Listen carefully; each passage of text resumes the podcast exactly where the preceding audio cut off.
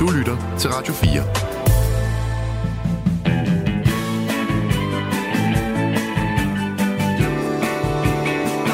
Velkommen til Only in America. Din værter er Frederik Dirk Skottliv og Mirko Reimer Ester. Hvad i alverden er det, du har på, Mirko? Et mundbind. altså, er det Donald Trumps mund, du har fået på, eller hvad? Det er det. Du har simpelthen et mundbind. Jeg har fået et facelift. Der, der, der giver dig Donald Trumps mund. I, sat i den der specielle Donald Trump, hvor han sådan, han, han spidser den som sådan en lille hønserøv, ikke? Ja. ja. Øh, det, det, det, hvorfor har du mundbind på overhovedet? Det er fordi corona er tilbage. Og du har en helt stak liggende der ved siden af. Hvorfor har du så mange? Fordi man bliver nødt til at gardere sig. Du har et med Ronald Reagan på også, kan jeg se. Ja. Et med kys kebab. Vi stikker lidt i... Kys kebab, dit yndlings kebabsted. Ja. Skud ud. Så har du sådan et, øh, sådan lidt øh, med sådan noget guldpaljetter. Ja. Og så har du et med Bernie Sanders. Ja, og så TV2. Hold da op. Ja. Ja. Divers smag i mundbind, må man sige. Du lytter til Radio 4.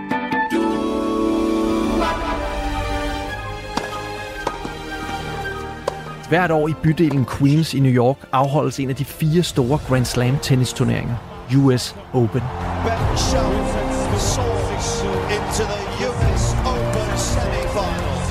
Turneringen er en af de mest prestigefyldte at vinde, og verdens bedste mandlige tennisspiller, serberen Novak Djokovic, vandt forleden herrefinalen for fjerde gang i sin karriere.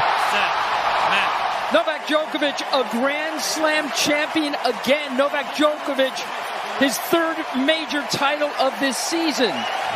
His fourth US Open. Det er lidt af et comeback for Novak Djokovic, der slet ikke var velkommen i turneringen sidste år, da han som den eneste spiller nægtede at lade sig vaccinere mod covid-19, og derfor ikke kunne komme ind i USA. Are you prepared to forego the chance to be the greatest player that ever picked up a racket, statistically? Because you feel so strongly about this jab? Yes. I do. Tidligere i år blev kravet om vaccination fjernet, og Novak Djokovic er nu tilbage på tronen som tennisverdens absolute nummer et med sin sejr i US Open. En turnering, som i øvrigt er sponsoreret af medicinalfirmaet Moderna, nok bedst kendt for deres coronavacciner. Drug maker Moderna on Wednesday said its updated COVID-19 vaccine will likely be effective against the highly mutated BA286 subvariant of the coronavirus. Moderna var som hovedsponsor endda nødt til at tildele den finurlige ære, Modernas Shot of the Day, til Djokovic for et af hans suveræne slag i finalen mod russeren Daniil Medvedev.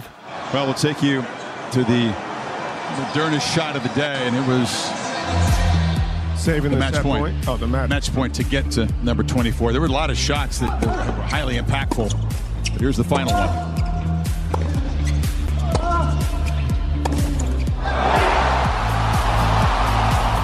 Men hvor længe vil det være muligt for Djokovic at deltage ved tennisturneringer uden en vaccination? Covid-19 lurer nemlig stadig i USA, og nye varianter har skabt store bekymringer. Covid-19, vaccination og brugen af mundbind fylder også i amerikansk politik, hvor der lades op til næste års præsidentvalg, og hvor corona uden tvivl vil spille en stor rolle, når folk skal afgive deres stemme. Velkommen til Only in America. Frederik, Ja, du ligner sådan en, der spiller tennis. hvorfor? Atletisk. Sporty. Langhåret måske, ikke? Der er der ja. ikke ret mange tennisspillere med sådan en hårbånd. Mm. Sådan lidt Bjørn Borg-agtig måske. Mit spørgsmål var egentlig, om Nå. du spiller tennis. Ja, okay. Øhm, Før jeg kom med mine fordomme. jeg spiller ikke ret meget tennis. Jeg vil ønske, jeg var god til tennis. Jeg, jeg kan godt lide at se tennis. Jeg synes, det er en, øh, en, en fantastisk sportsgren med, med en lang sådan, tradition. Ikke? Altså, der er sådan en ro omkring tennis, som du ikke har, når hooligans står og går bananas til, øh, til fodboldkampene, eller store amerikanske brød står og råber, øh, når, når øh, American football holdene spiller. Altså, der er en ro og en respekt omkring de her turneringer, og de her spillere, som jeg, som jeg synes kan være virkelig rar. Ja, der skal meget til, ikke? Øh, Jeg kan huske her under US Open for nylig, var der jo en tilskuer, der blev øh, smidt ud, fordi hun, han under en kamp med, med tyske Alexander Zverev jo begyndt at råbe Deutschland über alles. just said the most famous Hitler phrase there is in the world. He just said the most famous Hitler phrase there is in this world. It's unacceptable. This is unbelievable. So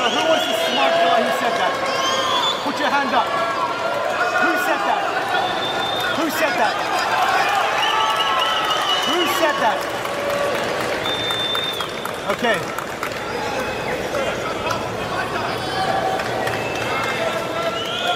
We're going to get him out. We'll get him out. Og jeg synes, Sverre ikke var sådan sindssygt fedt. Så han gik ind til dommerne og sagde, prøv at høre, øh, han hylder Hitler ham der. Jeg ved altså ikke, om vedkommende gjorde, eller overhovedet Nej, nej, vidste, hvad han gjorde, men han, han blev jo så kyldet ud, Ja. og han havde vist givet 3.000 dollars på den, for den der billet, han havde, ikke? Tror Men det må ikke? stå med småt, at de kan, de, kan, Mhm. mm. de, kan, de kan smide dig ud, når de har lyst til det. Fordi det sker jo rimelig tit, at nogen bliver, mm. bliver fjernet, hvis de skaber uro. Ikke?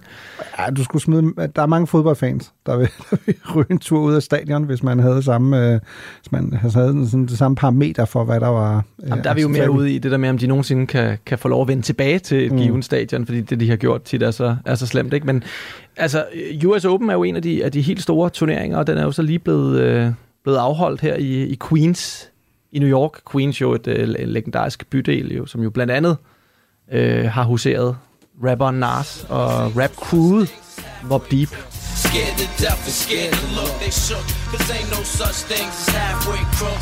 Øh, så det er, jo et, af- det, er jo, det er jo en af de helt store øh, bydele, når det kommer til Mm. østkyst øh, rapmusik i USA. Men øh, de har altså også øh, den her US Open turnering, som jo er en turnering, der strækker sig helt tilbage, jeg tror til 1881, øh, hvor, hvor man første gang øh, øh, afholdte den her turnering her. Øh, der så den jo selvfølgelig komplet anderledes ud. Tennis jo en, en sportsgren, der går endnu længere tilbage til, til Frankrig. Øh, men i de sidste mange år har det altså været øh, serberen øh, Novak Djokovic, som har, har domineret, men det kunne han ikke sidste år, fordi sidste år måtte han ikke rejse ind i USA, fordi han ikke var vaccineret øh, af for eksempel Moderna eller Pfizer. Og det skabte jo, altså det gjorde jo, at han blev sådan ansigtet på sådan en helt anti-vaxxer movement, selvom han selv har udtalt, at han har ikke lyst til at være en del af den her øh, anti-vaxxer bevægelse. What do you say directly to anti vaccination campaigners around the world who proudly declare Novak Djokovic is one of us? I say that everyone has the right to, to choose to act or say whatever they feel is appropriate for them. And I have never said that I'm part of that movement.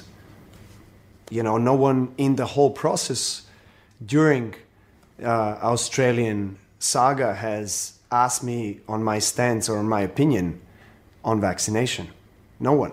So I could not really express, you know, what I feel and where my stance is, neither in the legal process, neither outside. So uh, it's, it's really unfortunate that there has been this kind of misconception and wrong conclusion that has been made uh, around the world uh, based, based upon, you know, something that I completely disagree with. Han tror bestemt på, at det er fint at lade sig vaccinere, men han tror også på, at man skal have retten til selv at vælge.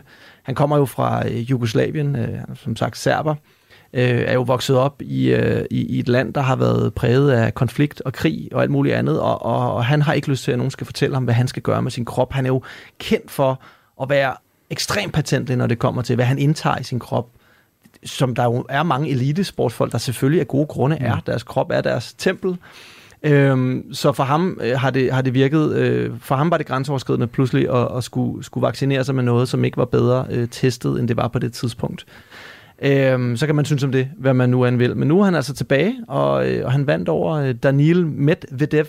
det har været meget sjovt at følge øh, sådan, særligt den der debat, der har været omkring den her historie med, med Djokovic i, i USA, fordi det jo ikke kun har været sådan en sportslig begivenhed, men der har også været meget politik sådan underliggende. Ikke? Altså et eksempel på det var selvfølgelig sådan lidt ironisk, at øh, Djokovic jo øh, også øh, i løbet af kampen øh, får det her Moderna shot of the day, altså sådan øh, kampen sådan, sådan måske mest mindeværdige øh, sekvens. Well, we'll take you to the Moderna shot of the day, and it was Saving the the match point. point. Oh, the match. match point to get to number 24. There were a lot of shots that were highly impactful.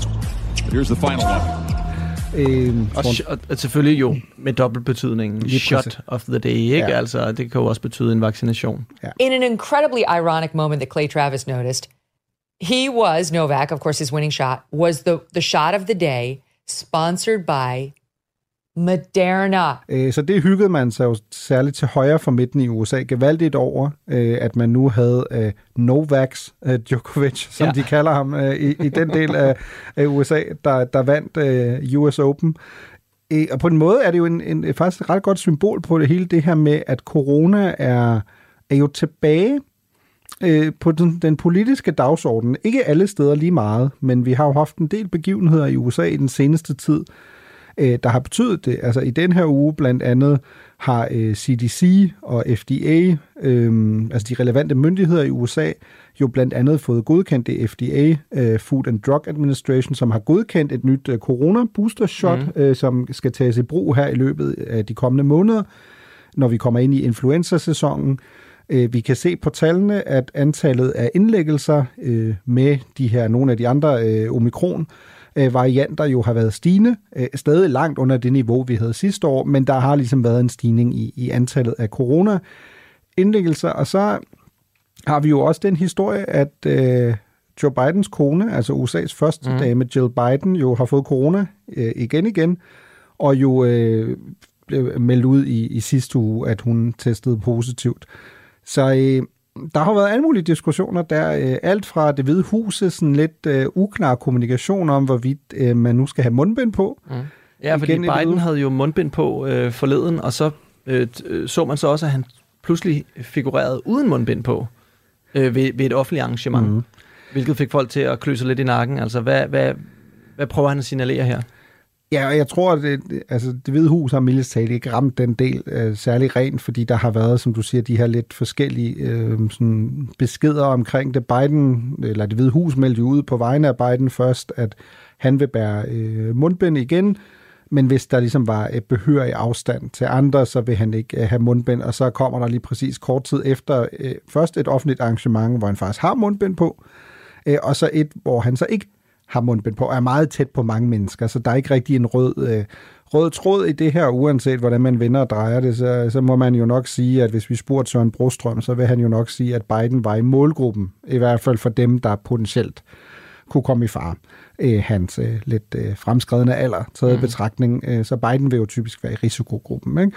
Men, men der er jo også, altså, jeg synes, det er meget interessant at sådan følge, fordi det giver sådan et flashback til, sådan, når man går tilbage til især 2020, hvor jeg jo sådan for alvor sådan dækkede mit første amerikanske valg øh, for TV2, og det er, er sikkert en debut altså at få, fordi 2020 var så sindssygt. Altså det ene var, at du havde Trump, der, der var præsident, øh, og så Biden, der var allerede dengang tilpas gammel, men så kom øh, corona, altså mm. Kunne hjælpe med inden fra højre, og ændrede jo alt i, mm. I valgkampen, ikke? Altså det er jo... Og nu, og nu virker det næsten som om, vi har glemt det jo. Altså, fordi i Danmark fylder det jo stort set ingenting. Ikke? Nej. Sundhedsstyrelsen har lige meldt ud, at der kommer øh, en, også en anbefaling i forhold til en, en, et booster shot og nogle risikogrupper, som nok bliver folk fra 65 år op, og det vil så måske apropos sådan være influenza-sæson, som måske 1. oktober og frem. Men det er jo ikke rigtig noget, der har fyldt noget herhjemme. Nej, vi har ligesom accepteret, at øh, corona kommer til at være her ja, mm. på niveau med influenza, måske resten af vores liv. Øh, I hvert fald mange årtier frem, øh, er, er også det, som sundhedsmyndighederne ligesom har, har sagt. Så, så det er ligesom blevet en, en, en fast del af, af vores liv. Jo, og det er mere blevet en sundhed, altså det er jo mere et, et lægefagligt sundhedsvidenskabeligt råd, ikke? hvor jo. Der er en styrelse, der melder ud, øh, det her vil være en god idé, hvis du er øh, 65 år over, så vil vi som udgangspunkt anbefale dig, at du får øh, den, det her booster shot, øh, hvis du hvad vi er, er i en særlig risikogruppe, vil vi også anbefale det. Men sådan er det jo ikke i USA.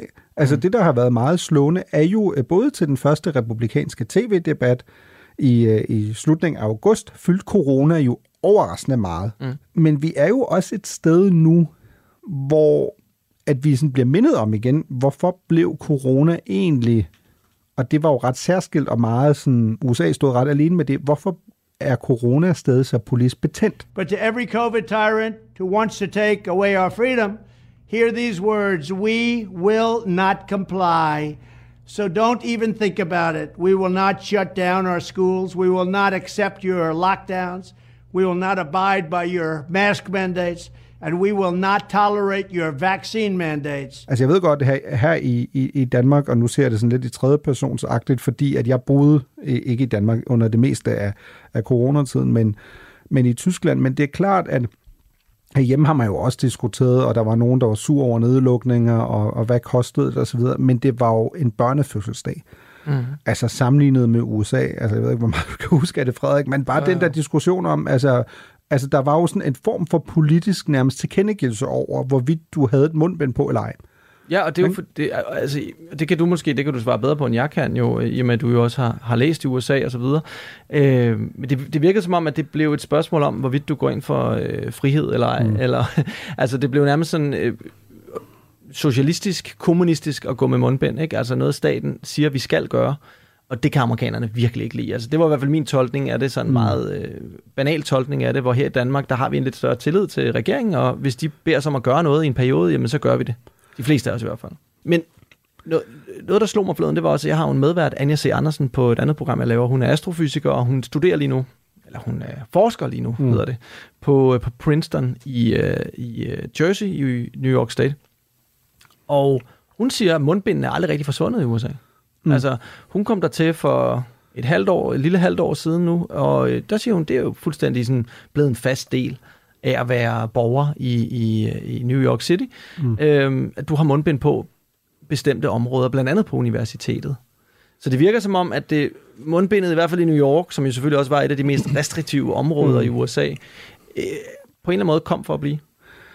Ja, altså New York er jo, tror jeg, stadig her et par år senere jo et, et af de mest sådan, vilde sådan øjeblikke, vi husker fra coronatiden, og særligt øh, den amerikanske corona-oplevelse, ikke? altså billederne af skibene, øh, der sejler ind i, i New Yorks øh, havne. Jeg forstår helt kuldegysninger, når jeg tænker på det, altså fordi det var så voldsomt at se, ikke? forbi øh, Frihedsgudinden og ind øh, Central Park med alle de her telte, øh, med, med blandt andet også med lig og andet. Altså det var ja. så det var det var så voldsomt ja. øh, at se. Øhm, og det er klart, det, det var det jo delvist selvfølgelig også, fordi USA selvfølgelig er så stort et land, men også fordi coronahåndteringen jo fra start af blev dybt, dybt politiseret, ikke? Øhm, fordi vi har talt om det mange gange før i det her program, USA er et meget splittet samfund, og når du så får sådan en sundhedskrise oveni, hvor du for det første får lidt ligesom i Tyskland, men selvfølgelig meget mere udbredt, et clash mellem sådan det føderale niveau og delstatsniveauet. Hvem skal bestemme, mm. og øh, føderale skal gerne hjælpe øh, Trump, der jo konstant lå i, kommunikation, i hvert fald kommunikativ krig med øh, demokratiske guvernører og borgermester, øh, og omvendt også, altså det, han var jo også en taknemmelig øh, boksebold for dem, ikke? Mm. Men der var jo nogle af de her guvernører og øh, delstatspolitikere, der virkelig fik en national profil. Altså på demokraternes side var det jo helt klart øh, Andrew Cuomo og Gretchen Whitmer op i, op i Michigan, og så jo apropos vores øh, gode ven Meatball Ron, altså ja. Ron DeSantis nede i Florida, han får jo også for alvor sin nationale profil under corona. No one can force you to, to muzzle yourself uh, against your consent. And as we see this stuff being, being orchestrated, trying to shove down people's throats, uh, there needs to be pushback, because there wasn't pushback back in March of 2020. Fordi øh, Florida jo sådan lidt groft sagt var sådan øh, USA-Sverige. Altså meget mere åben øh, meget mere vi bliver nødt til at holde i hvert fald vores økonomi meget mere kørende. Vi kan ikke øh, lukke ned i flere måneder. Øh, skoler og andet, samtidig med, at man jo i Florida selvfølgelig også havde et enormt ansvar over for øh, den ret øh, store ældre del af befolkningen, der, der mm. lever øh, i The Villages og, og andet.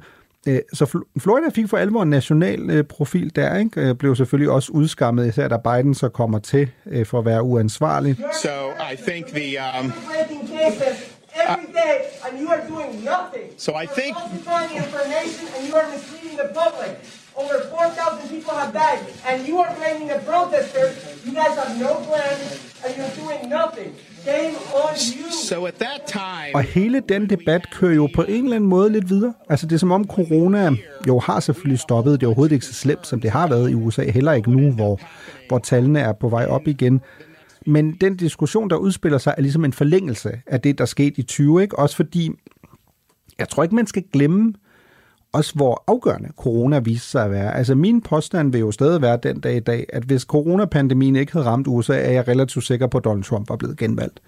Fordi hvis vi kigger på, hvordan dynamikken i valgkampen udfolder sig, det er fuldstændig åbenlyst, at et flertal af amerikanere ikke stoler på Trump i forhold til håndtering. Øh, fordi de mener, at han tager for let på det, Øhm, Trump bliver selvfølgelig også fanget i en uheldig dynamik, rent, rent sådan kynisk betragtet politisk, fordi corona ødelægger jo hans bedste argument, hvilket er økonomien. Altså mm. økonomien i USA går jo der i foråret 2020 på et par måneder fra at have den laveste arbejdsløshed i, 55, i 50 år, til at den højeste i nærmest 80 år. Mm. Altså bare nærmest sådan bup på et par måneder.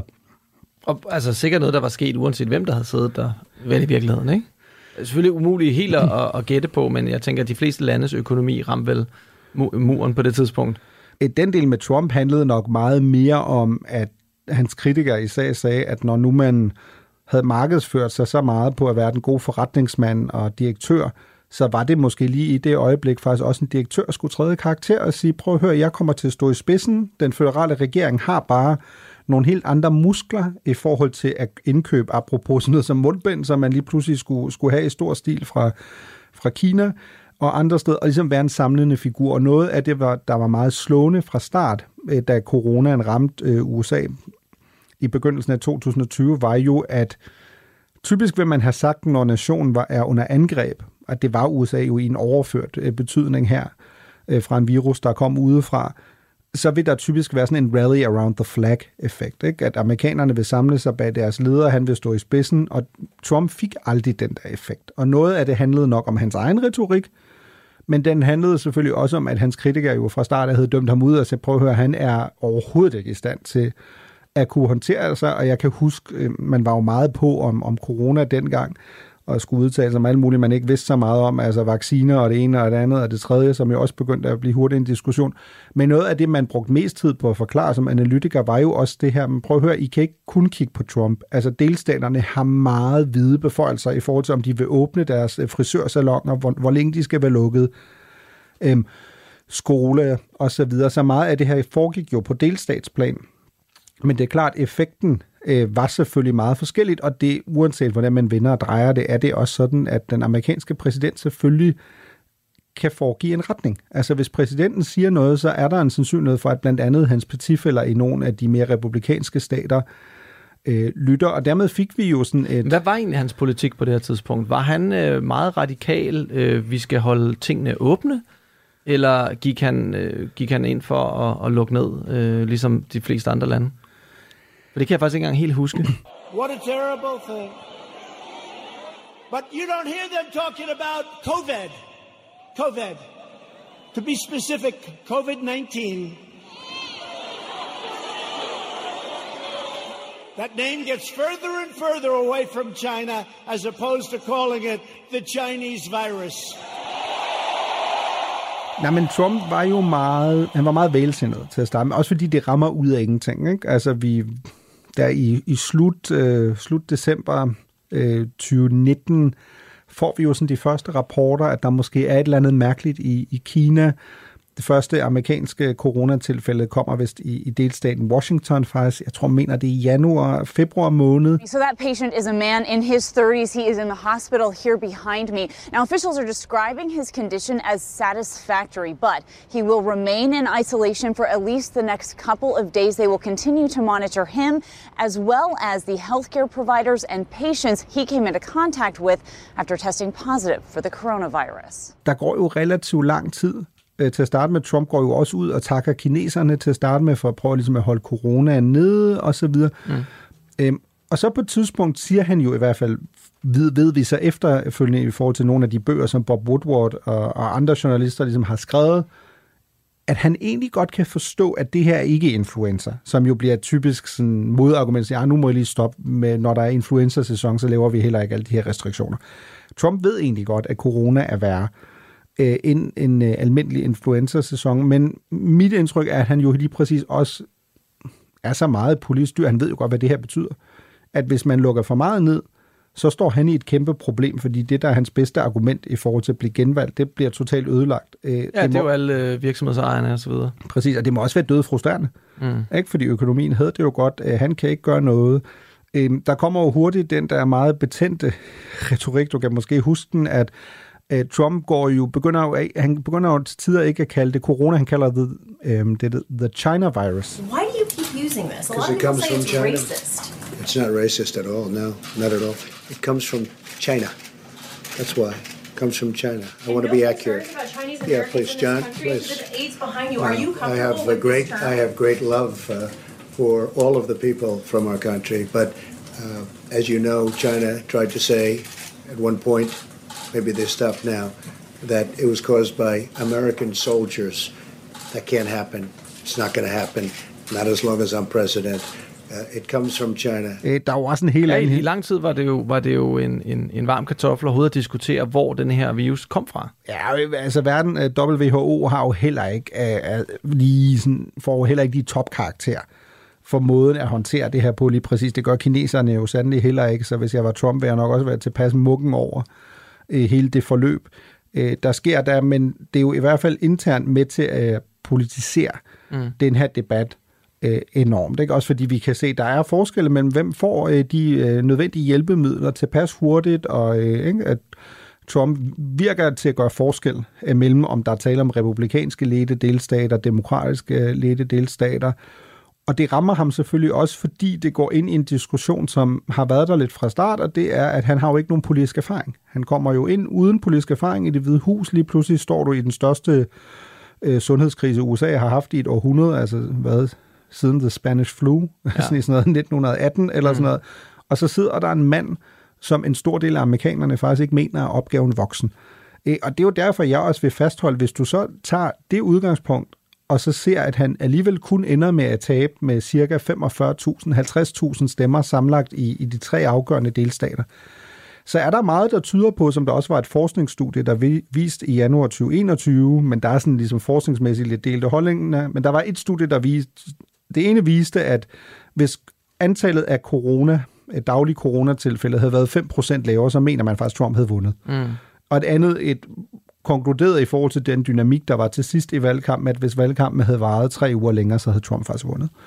Øh, og det er også helt klart mit indtryk. Altså, hvis man forestiller sig, at corona enten havde fyldt mindre i valgkampen, eller ikke havde været der, så har jeg faktisk ret, ret svært ved at forestille mig, at Så, så Trump- det er måske i virkeligheden øh, lidt spøjst, at Trump går ud så nu her igen i 2023 Mm. og snakker om corona, fordi det på mange måder var det, der måske var med til at fælde ham. They want to restart the COVID hysteria so they can justify more lockdowns, more censorship, more illegal drop boxes, more mail in ballots, and trillions of dollars in payoffs to their political allies heading into the 2024 election. Does that sound familiar? These are bad people. These are sick people we're dealing with. Burde han ikke ignorere alt snak om corona, og, og så bevæge sig videre til, til, til, til nogle helt andre emner? Ja, altså både og, fordi man kan sige, hvis du går tilbage til, til valget i 2020, så var det, apropos det, vi lige har talt om, jo meget åbenlyst, at der var en meget stor forskel i forhold til, hvor vigtigt de to partiers vælgere synes, det, det var. Altså for at tage nogle af tallene, øh, 82 procent af Bidens vælgere sagde dengang i november 2020, at coronavirusen var meget vigtig i forhold til, hvor, sat, hvor de satte deres kryds, og at de overhovedet øh, stemte. Blandt Trump-vælgere var det 24 procent. Altså, du havde ikke noget emne, hvor forskellen i forhold til, hvordan de to partiers vælgere så det, var større. Så det var det emne, der splittede de to.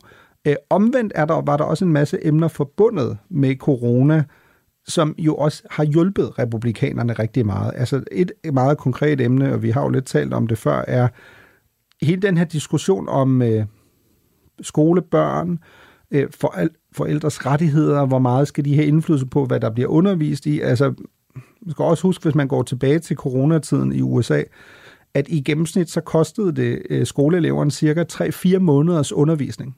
Altså fordi der var lukket, øh, man kunne ikke have ordentlig undervisning. Ja, du får ikke lov at lære dine klassekammerater at kende. Forældrene Præcis. øh, lærer ikke hinanden at kende, og det skaber bare en, en, en ikke så god dynamik i sådan en skoleklasse. Jeg har virkelig mange venner, hvis børn øh, Mm. startede lige midt i coronaen, og det satte virkelig øh, nogle, nogle vilde spor i, øh, i, i de klasser der. Du lytter til Only in America på Radio 4. Men Mirko, har du nogensinde haft corona egentlig? Ikke hvad jeg ved. Altså, jeg er aldrig, øh, jeg er ikke blevet testet positivt.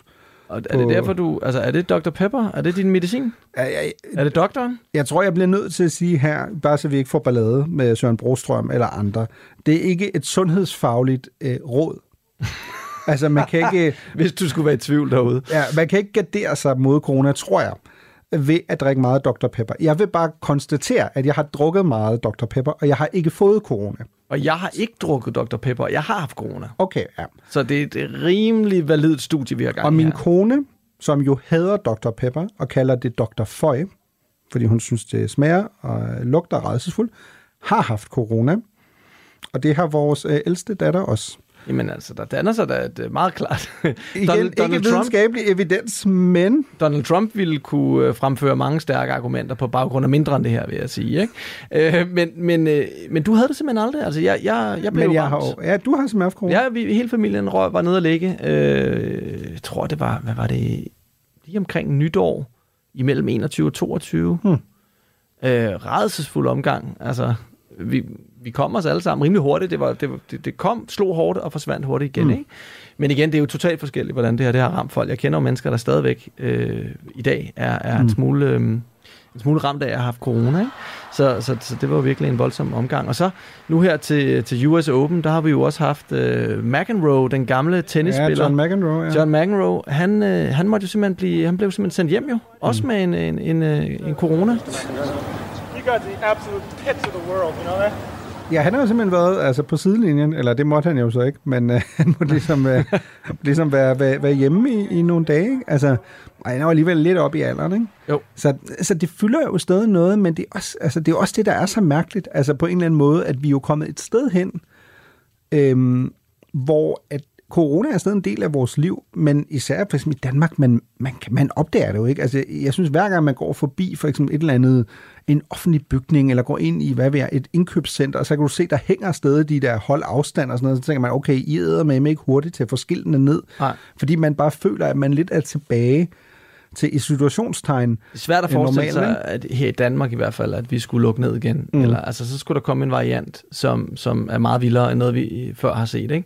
Og det er jo noget af det, man frygter i USA, at, at en af de her varianter specielt skulle gå hen og udvikle sig mutere til at blive, blive rigtig farlig, og farligere end nogle af de tidligere, vi har set.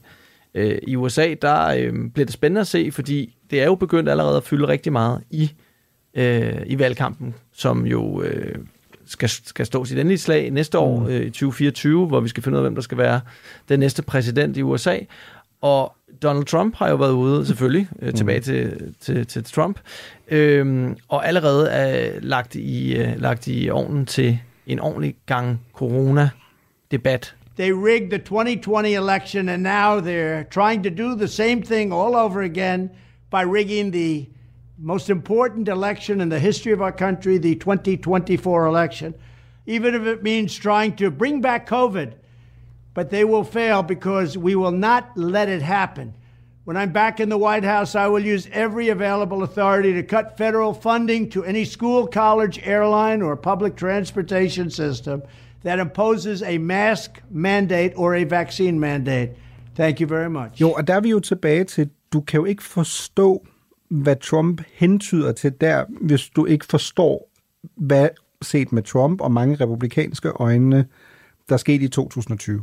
Fordi deres fortælling er jo, at øh, corona rammer øh, udefra, bliver udnyttet voldsomt af demokraterne, der blandt andet, ved Trump mene, øh, udnytter en, en sundhedskrise til at ændre reglerne for, øh, hvordan man må stemme i USA. Det, det er jo også meget forskelligt fra her, hvor der er sådan, det er lige ud af landevejen. Men i USA var det jo op til valget i 2020 ikke særlig udbredt, at man for eksempel brevstemte.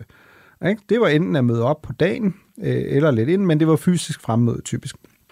Øh, under coronapandemien i USA vedtager rigtig mange delstater jo, at du faktisk kan stemme øh, Mhm. brevstemme. Og det betyder, at andelen af brevstemmer jo i 2020 blev mere end øh, fordoblet sammenlignet med 2016. Mm-hmm. Og det var jo også forklaringen på, at det, der så skete på valgdagen og efterfølgende, var det, alle lidt kunne regne ud på forhånd, at du på valgaften stod, Trump og republikanerne var foran. Øh, mange kan måske huske, at Trump jo også går ud og siger, at vi har vundet. We were getting ready to win this election. Frankly, we did win this election. Og så kom der jo lige præcis den der jo bølge af brevstemmer, som i alt overvejende grad, heller ikke overraskende overhovedet, var demokratiske. Og det var jo selvfølgelig blandt andet, fordi Trump jo målrettet igennem hele 2020 havde fortalt sine egne vælgere, at de ikke skulle brevstemme, fordi så var der jo risiko for, at deres stemme forsvandt. Altså, så kunne de blive snydt. Så kunne den ikke blive talt. Så derfor var det bare vigtigt, at de dukkede op. Øhm, det næste er selvfølgelig, at øhm, vi jo igen står et sted, hvor hvis du er Biden, det er heller ikke super behageligt for Biden at stå i den her situation, fordi efter at Biden kommer til i januar 2021, bliver der jo vedtaget en masse ting, som stadig er corona relateret. Altså blandt andet den her meget omtalte uh, Title 42, uh, som er immigrationslovgivning, som faktisk er fra Trump-tiden, hvor man med henvisning til coronapandemien bare kan afvise uh, migranter og asylansøgere ved grænsen til Mexico. Just the last two years, it's allowed authorities to expel migrants, including asylum seekers, more than 1.7 million times, all in the name of public health, basically to stop the spread of COVID. Den er jo udløbet nu. Mm. Øh, den her øh, sådan, øh, health øh, emergency, som man havde, altså en sundhedskrise, som man lovmæssigt, eller som dekret havde, den har Biden jo først faktisk lavet udløb i maj måned 2023. Ja. Altså, den har kørt i over to år. Men og det er jo været... derfor, at uh, Djokovic kan spille i, i det her års uh, US Open, for det er jo en del af det, nemlig at kunne, uh, kunne deltage ved større arrangementer uden at være vaccineret. Lige præcis. Der er blevet vedtaget skatterabatter til mhm. børnefamilier blandt andet, som udløber nu Øh, fordi de er coronarelaterede. Man har sat et, øh, et midlertidigt stop for, at man skulle betale sit studielån tilbage med henvisning til coronapandemien. Så der er jo en masse ting, der har gjort livet nemmere, eller har gjort en meget mærkbar forskel øh, for amerikanere, som udløber nu. Ikke? Og det er jo blandt andet derfor, at noget, noget af det, vi kommer til at se i de kommende dage og uger, er jo en historie, og nok også i danske medier, om at øh, øh fattigdomsprocenten i USA er steget meget voldsomt. Og det kommer den til at gøre, blandt andet fordi nogle af de her ting udløber. Altså der kommer simpelthen til at være familier og børn, der har været over fattigdomsgrænsen, der ryger ind under den, igen fordi at nogle af de her i situationstegn øh, fordele, der har været ved øh, coronarelateret lovgivning, øh, udløber. og det var jo det samme, altså noget af det, som Trump lukrerede på, var jo blandt andet, at man jo, at Trump og kongressen vedtog jo blandt andet, at man fik de her øh, indgangsbeløb altså sendt ud de her såkaldte checks på, jeg tror det var 1200 øh, dollars øh, første gang, der kom jo faktisk, jeg tror tre i alt. Øh, og der insisterede Trump jo på, at der skulle stå hans navn på. Så vælgerne ligesom fik et indtryk, at det var Trump, der havde sendt pengene ud, mm. på trods af, at det var selvfølgelig ikke ham. Så det, det fylder bare sindssygt meget, også fordi... Han vil bare så gerne have sit ansigt på pengesedlerne, ikke? Nå, men han vil jo gerne blive, altså, du, du er tilbage til, altså, hvilken politiker vil ikke gerne øh, ligne sådan en, der giver et handout? Ja, altså, ja, giver, selvfølgelig. Giver nogle penge, ikke? Så du, det vil du gerne blive associeret med, ikke? Altså, tag herhjemme, for eksempel. Ikke? Brostrøm, for eksempel. Der er jo blevet sådan nærmest en form for national sådan, folkeheld. Jeg vil bare for en helt øh, god ordens skyld og helt officielt på vegne af Sundhedsstyrelsen sige, at øh, sex er godt, sex er sundt. Sundhedsstyrelsen går ind for sex. Vi er seksuelle væsener. Og selvfølgelig skal man også kunne dyrke sex, også som single i en tid med corona. Han kunne jo ikke være mere populær. Han bor jo lige her rundt om hjørnet. Jeg ser ham tit. Han kan jo knap nok gå alene nede i træningscenteret, uden at mm. folk vil have en selfie med ham, ikke? Ja, og sådan er det ikke helt, hvis du er Dr. Anthony Fauci i, i USA. I hvert fald ikke store dele af USA, skal, skal jeg hilse at sige, ej, fordi... Jeg vil også sige, at han har måske heller ikke helt Brostrøms sådan likability. Nej. Men igen, det, det, er, øh, det er subjektivt. Men nej, han blev i den grad lagt for had i USA, selvfølgelig specielt af højrefløjen.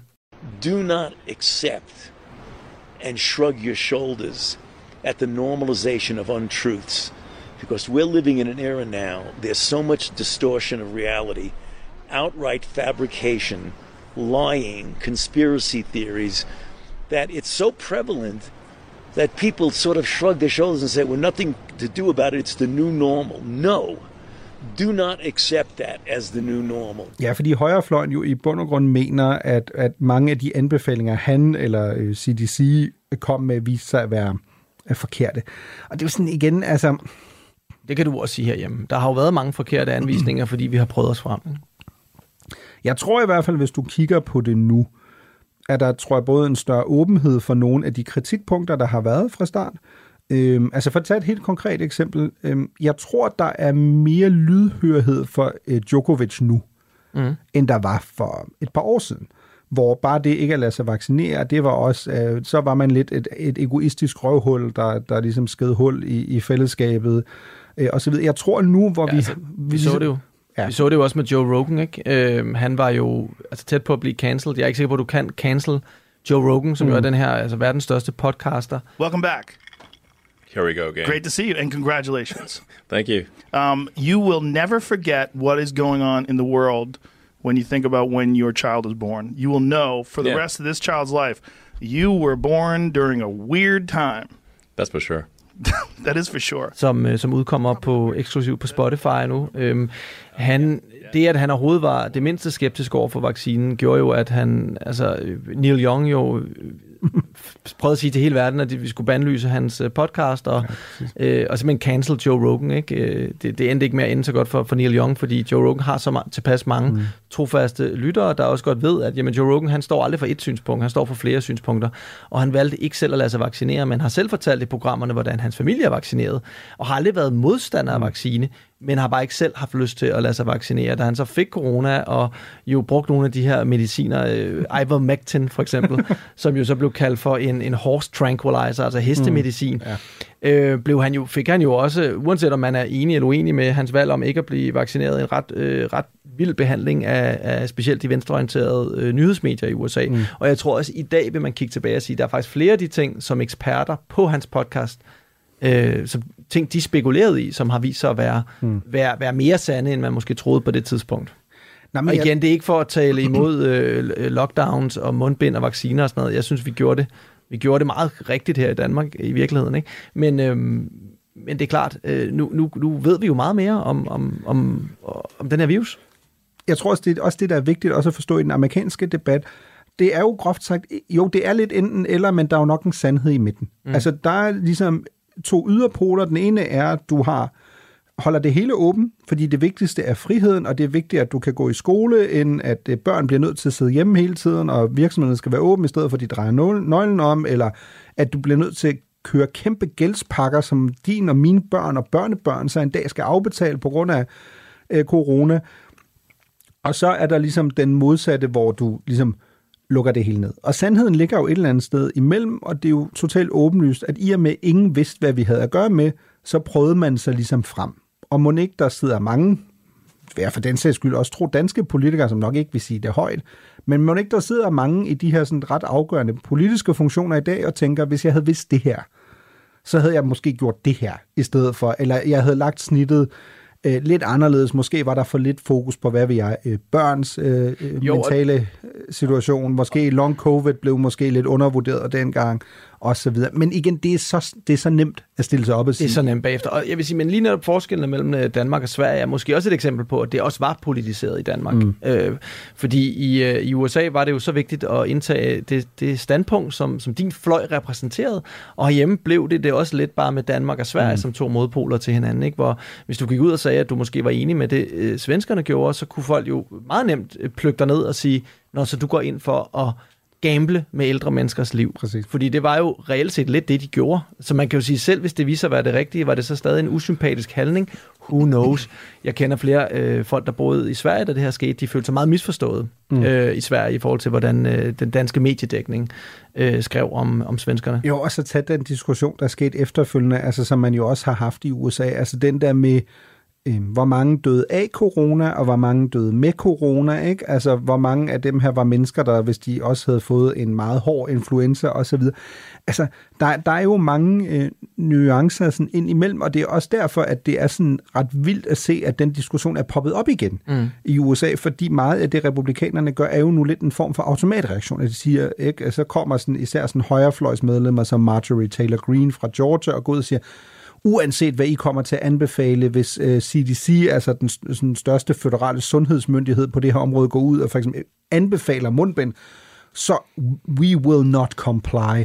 Altså, så det bliver sådan et politisk mm. hædersmærke, at vi går op imod øh, sundhedsautoriteterne, og der er der jo, som du også var inde på, Frederik, det er jo fordi tilliden til de der myndigheder er så lav i USA. Altså, det er fordi, det er blevet så politiseret, så afhængigt af, hvad dine politiske ledere siger, så lytter du og stoler på de mennesker eller ej. Og der er noget, vi jo heldigvis aldrig på samme måde hen i, i Danmark. Altså prøv at tænke, hvis Brostrøm igen, som er sådan det nemmeste eksempel her, hvis Brostrøm var blevet sådan en, der var blevet placeret i en politisk blok under corona, og hver gang han havde sagt noget, så havde folk sagt, det er også fordi, han er rød, eller det er fordi, han er blå, øh, så det gør jeg ikke. Mm. Så hvis Brostrøm går ud og siger det her, så kan du bande på, at jeg laver også præcis det modsatte. Altså, du kommer jo ikke et godt sted hen som samfund hvis, hvis du ender der, ikke? og det har ikke kun noget at gøre med det har jo også noget at gøre med, hvordan Fauci har håndteret det. Altså Fauci har også været ret markant i sin kritik af folkevalgte republikanere. Mm. Øh, og det forstår jeg som sådan godt, altså hvis du bliver nødt til nærmest at få politibeskyttelse og andet, og få dødstrusler, fordi du, der er nogen, der målrettet går efter dig. Marjorie Taylor Greene, der jo blandt andet øh, havde lovgivning i kongressen, The Fire Fauci Act, hvor han både skulle fyres og i øvrigt for 0 dollars i, øh, i løn. Altså, jeg tænker, at en ting kan godt gøre det agtigt, ikke? Ja, øhm. ja der var jo en øh, meget populær øh, film, der ramte internettet også, mm. som ja, jeg ved, at... Øh, Plandemic er lige præcis. Plandemic. The documentary-style Plandemic video went viral on a wide range of platforms, including Facebook. Wearing the mask literally activates your own virus. You're getting sick from your own reactivated coronavirus expressions. That's kooky former medical researcher Judy Mikovits, who claims the government has been trying to get rich off vaccines since the AIDS outbreak in the 80s. Som var faktisk mere populær, mere set end selv øh, øh, Pentagons UFO-videoer og øh, diverse andre populære film og serier og musikindslag på det her tidspunkt. Den var vanvittigt populær på mm. internettet og gik hamrende viralt. Og som jo var en ren propagandafilm. Øh, Ja, og, det er jo den, og den taler jo lige præcis ind i det her med, som noget også har været noget af Trumps appel. Ikke? Den taler jo også ind i, nej, men egentlig er det bare medicinalindustrien og andre, der prøver at blive rige på det her, og de har bare ventet på at kunne have et eller andet, man kan tjene øh, kassen på. Og det taler jo totalt ind i, i den her sådan, også Trump-fortælling, som der er i forvejen. Ikke? Altså Trump-fortælling om, at der er ligesom nogle andre, der styrer. Uh, Trump kalder dem den dybe stat eller andet. Det er heller ikke så svært, når man så sidder og ser US Open, og uh, Moderna er plastret ud over det hele, og de får deres navn sned ind i Modernas Shot of the Day, og man skal mm. se uh, Novaks uh, Djokovic Novaks, ja. slå et sublimt slag i hans, uh, med hans ikke-vaccinerede overarm. Ikke?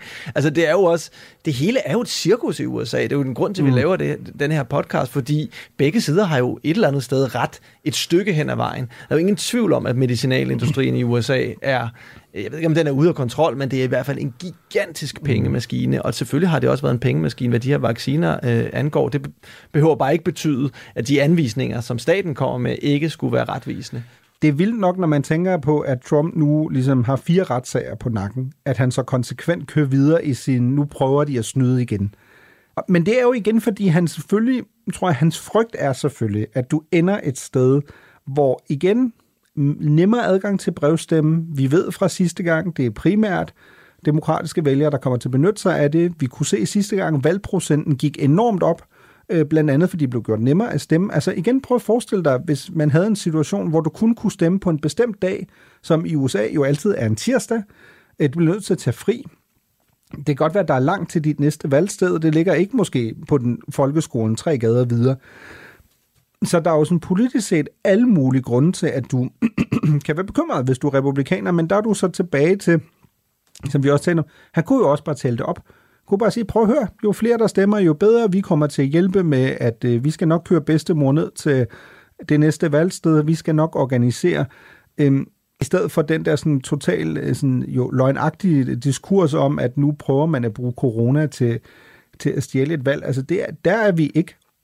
Der er selvfølgelig den del, som er interessant her, og den handler selvfølgelig om, at Joe Biden kan jo potentielt godt komme i problemer, hvis det ikke bliver et coronavalg. Fordi noget af det, der også var meget slående i 20, var jo, at corona på en eller anden måde blev jo lidt en gave til Biden, fordi han behøvede ikke at føre så meget valgkamp. Ikke? Han kunne ligesom sidde i sin, øh, i sit hus i Delaware, eller Kellerware, som man jo så kaldte det under valgkamp, fordi hun kun sad nede i kælderen, øh, jo stort set ikke lavet offentlige optrædener. Og det kunne han jo gøre med henvisning til, at det vil være uansvarligt mm. at samle så mange mennesker til vælgermøder. Spørgsmålet er selvfølgelig, hvis vi er et sted nu, hvor sundhedsmyndighederne i USA siger, at det hele er under kontrol, det kan godt være, at tallene stiger, men vi er på vej i den rigtige retning, og vi er overhovedet ikke der, hvor vi har været tidligere, jamen Joe Biden vil jo ikke kunne føre en klassisk valgkamp altså hvor man er rigtig meget ude og føre valgkamp. Det, det har han højst sandsynligvis ikke staten til. Øh, logisk nok, når du snart bliver 81 mm. år mhm. gammel. Ikke? Øhm, og spørgsmålet... Jeg synes, at han var der, altså, han var der frisk til den der correspondence dinner der, hvor han fyrede jokes og alt muligt andet. This is the first time the president attended this dinner in six years.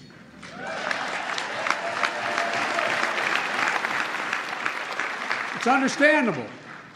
We had a horrible plague followed by two years of COVID. Jeg synes, folk er lidt hårde ved ham nogle gange. Jeg synes faktisk, for en mand, der næsten er 81, yeah. Jeg, jeg ved godt, at det er, det er jo klart, det er jo også et, et nemt øh, punkt at kritisere ham på. Han er gammel, altså vi skal men heller ikke glemme, at Trump se- er 77, men Præcis. øh, ikke desto mindre. Nej, men du kan se på tallene, at han, han, han er mindre ude ja. end andre præsidenter. Ja. Men der er vi så tilbage til, at han er 81, snart 81, det er måske ikke så overraskende.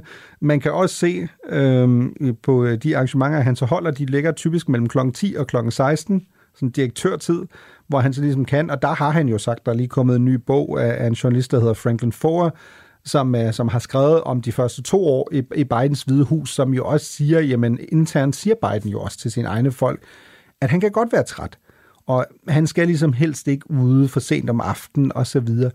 Og der er vi jo tilbage til, det er jo ikke så overraskende, når du snart er 81 år gammel, at du har det på den måde, men det er klart, Trump virker jo, på trods af, at han også er 77, selvfølgelig altid lidt som en Duracell-kanin, øh, sammenlignet med Joe Biden, så kan man så diskutere, når man faktisk lytter til, hvad Trump siger, om det ikke også er måske på nogle aspekter lidt problematisk. Men måske kan man også argumentere for, at less is more nogle gange. Ikke? Det fungerede for Biden i 2020, og nu ser vi jo også Trump, der ikke møder op til altså den republikanske øh, debat øh, på tv, hvor mm. alle de andre står klar til at diskutere. Øh, han gider ikke møde op. At de også har luret, at, at nu om dage, hvor alt bliver øh, klippet om og lagt på internettet, og du kan, du kan ikke træde forkert længere, uden at alle ser det, mm at faktisk det er måske meget godt at holde igen og selv styre sin kommunikation. Trump vælger nøje, hvem han giver interview hos. Altså han er jo blevet den her podcast president nu, ikke? Og, øh, og måske er, er det heller ikke så skidt for, for Biden, som jo mumler, mm. øh, glemmer ting, falder på cyklen, alt muligt andet, mm. at, øh, at holde et lav profil. Jo, og så tror jeg også, man lige skal have med her, altså Trump holder også relativt set færre vælgermøder, end han har gjort. Så der er også en forskel. Altså det, Trump er heller ikke op i samme gear, som han var for, for 3-4 år siden. Den sandsynlige forklaring er bare anderledes end Bidens. I, I Bidens tilfælde er det efter alt at dømme alder, og at han ligesom prøver at holde et program, som han faktisk selv kan holde til. I Trumps tilfælde er det højst sandsynligvis, fordi han ved, og hans advokater også har sagt til ham, jo flere vælgermøder du holder, jo flere ting kommer du til at sige, som kan blive brugt imod dig i en af de mange retssager, mm. der kører. Fordi vi ved jo også, at når Trump holder vælgermøde, så går han virkelig i, altså så går han i frigir i forhold til, hvad han siger. Ja, i angrebsmode. Angrebsmode, øh, og han elsker at kunne sådan mærke, at han kan få publikum øh, med sig. Så det er selvfølgelig klart, at hvis du er Trumps advokat, så er de der vælgermøder jo dit værste mareridt, fordi hvad kunne han ikke finde på at sige der, som du så måske om tre eller fire eller seks måneder skal stå og forklare i en retssal. Så altså, hvis man skulle være sådan meget, meget sådan, øh, med et glimt i øjet her til sidst, så vil man jo sige, at hvis du var Trump, så vil du elske dig, at corona kom tilbage, og du bare blev låst inde i Trump Tower, og du bare skulle sidde der og helst sige så lidt som muligt. Men der er problemet jo bare, at, at Trump er jo så moderne, at han har jo ligesom opdaget, at sociale medier findes, og bruger dem jo meget mere end Biden. Så vil han jo bare... Altså prøv at tænke, hvis, hvis Trump sådan blev, var i corona-lockdown, ikke? han vil jo være sådan en, der bare vil være på Instagram og på alle mulige andre, fra, fra morgen til aften. Ja, fuldstændig. Og bare lægge video ud hele tiden. ren incel på den jo, altså... du lytter til Radio 4. Øh, Mirko, øh, hvilken vaccine fik du? Johnson og Johnson. Uha, du fik den billige. Jeg fik den billige, ja. Uh, Måske derfor, jeg aldrig har fået corona faktisk. Måske var den rigtig god. Måske, ja. Den var så god, at den... Øh... ja, ja, to, to gange i Tyskland faktisk, og første gang var sådan et, øh, et sted, hvor man også, hvis man var hjemløs, kunne få mad. Var det eller... nede ved grænsen, eller hvad? Ja, det var så kører man til grænsen og får ja. en Johnson Johnson? Ja, det var i Flensborg. Det var, sådan, det var meget mærkeligt. Dr. Pepper, det var meget mærkeligt. Jeg kom, jeg kom ind, og det var sådan, som sagt, altså hvis man ikke havde så mange penge, eller var hjemløs, så kunne man ligesom få noget mad, det var sådan noget røde kors. Ja, så var sådan, skal du have noget mad? Så var jeg sådan, nej, jeg vil gerne vaccineres. Og så var der sådan et, et rum ved siden af, hvor man kom ind, og så var der en læge. Og så fordi det jo er Tyskland, og det var så gammeldags, jeg har jo ikke noget digitalt bevis på den. Jeg har sådan et vaccinationspas af papir, som er orange, som jeg går rundt med, og så kan jeg vise, hvornår jeg er blevet vaccineret. Imponerende. Jeg fik selvfølgelig Rolls Royce'en, ikke? Øh, Pfizer'en. Stærkt. Ikke? Og den har virket super godt. Tydeligvis, ja. This is the rhythm of the night.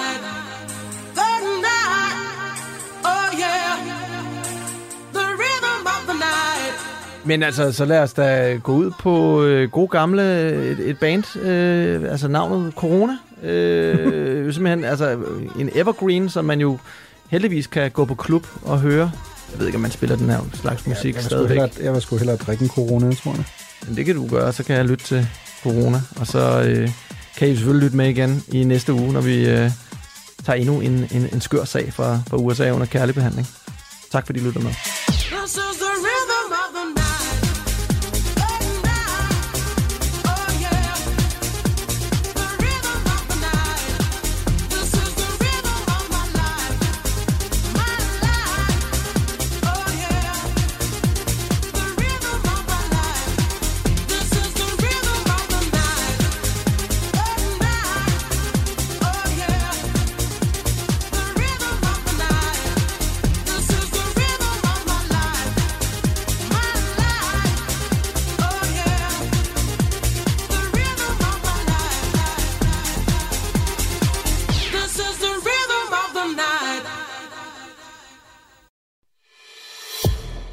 Lyttet til en podcast fra Radio 4.